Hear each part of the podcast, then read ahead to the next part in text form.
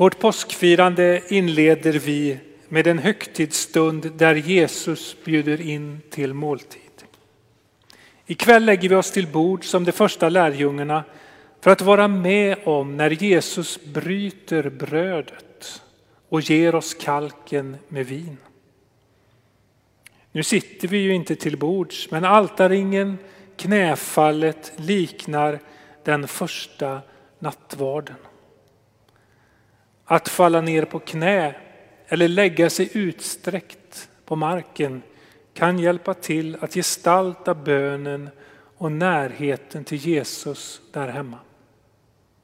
För många känns det annorlunda då man är i isolering i sitt hem.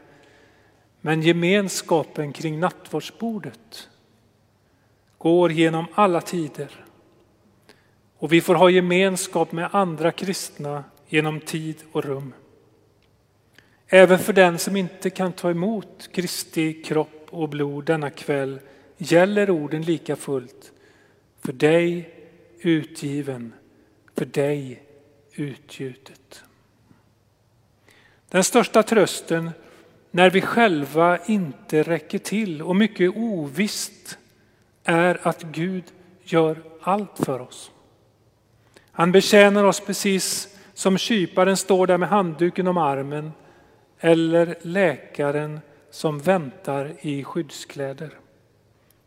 Jesus böjer sig ner för att tvätta våra fötter och för att ge oss sin kropp och sitt blod. Gud är ju så annorlunda än vi tror.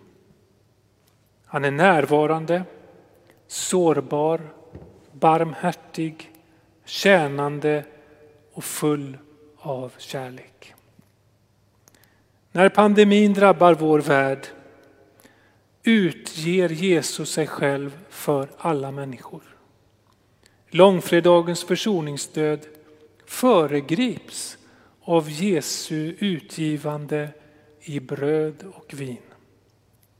Påskdagens uppståndelse och seger tas emot i bröd och vin. För dig, det är personligt och samtidigt är det gemensamt med många. Drick av den alla. Förrädare och förnekare, trogna och otrogna, alla får de del av Guds kärlek i nattvardens måltid. Vem jag än är vill Jesus betjäna mig och ge av det liv som aldrig dör. Kanske känns det overkligt eller svårt.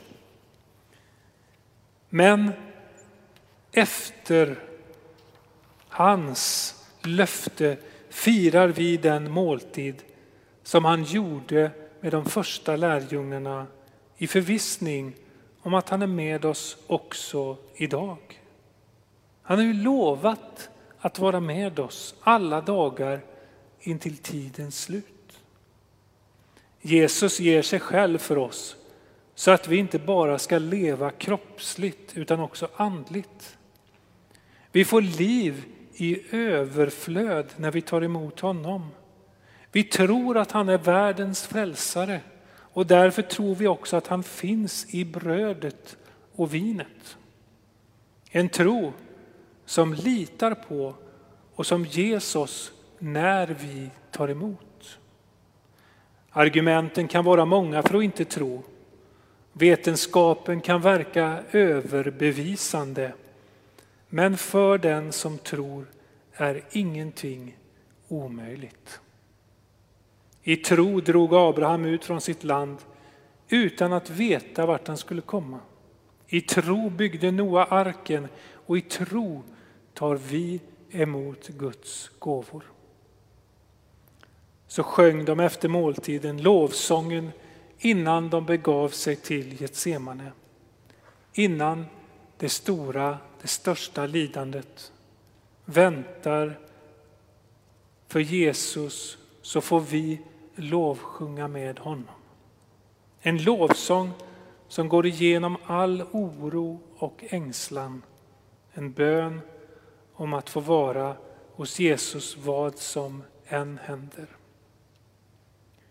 Herren är min starkhet och min lovsång och han blev mig till frälsning. Man sjunger med jubel om frälsning i det rättfärdigas hyddor. Herrens högra hand gör mäktiga ting. Herrens högra hand upphöjer.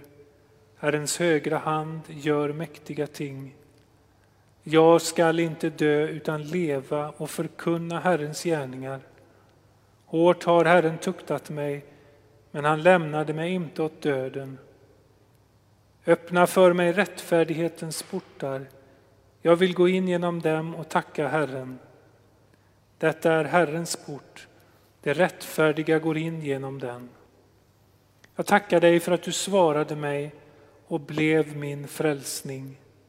Den sten som byggnadsarbetarna kastade bort har blivit en hörnsten. Herren har gjort den till detta. Underbart är det i våra ögon. Detta är den dag som Herren har gjort. Låt oss på den jubla och vara glada. O Herre, fräls, o Herre, låt allt lyckas väl. Välsignad vare han som kommer i Herrens namn. Vi välsignar er från Herrens hus. Herren är Gud och han gav oss ljus. Ordna er i högtidsled med lövrika kvistar i händerna fram till altarets horn. Du är min Gud. Jag vill tacka dig, min Gud. Jag vill upphöja dig. Tacka Herren, ty han är god. Hans nåd varar i evighet.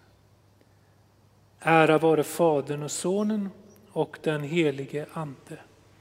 Nu så som det var av begynnelsen, nu är och skall vara från evighet till evighet. Amen.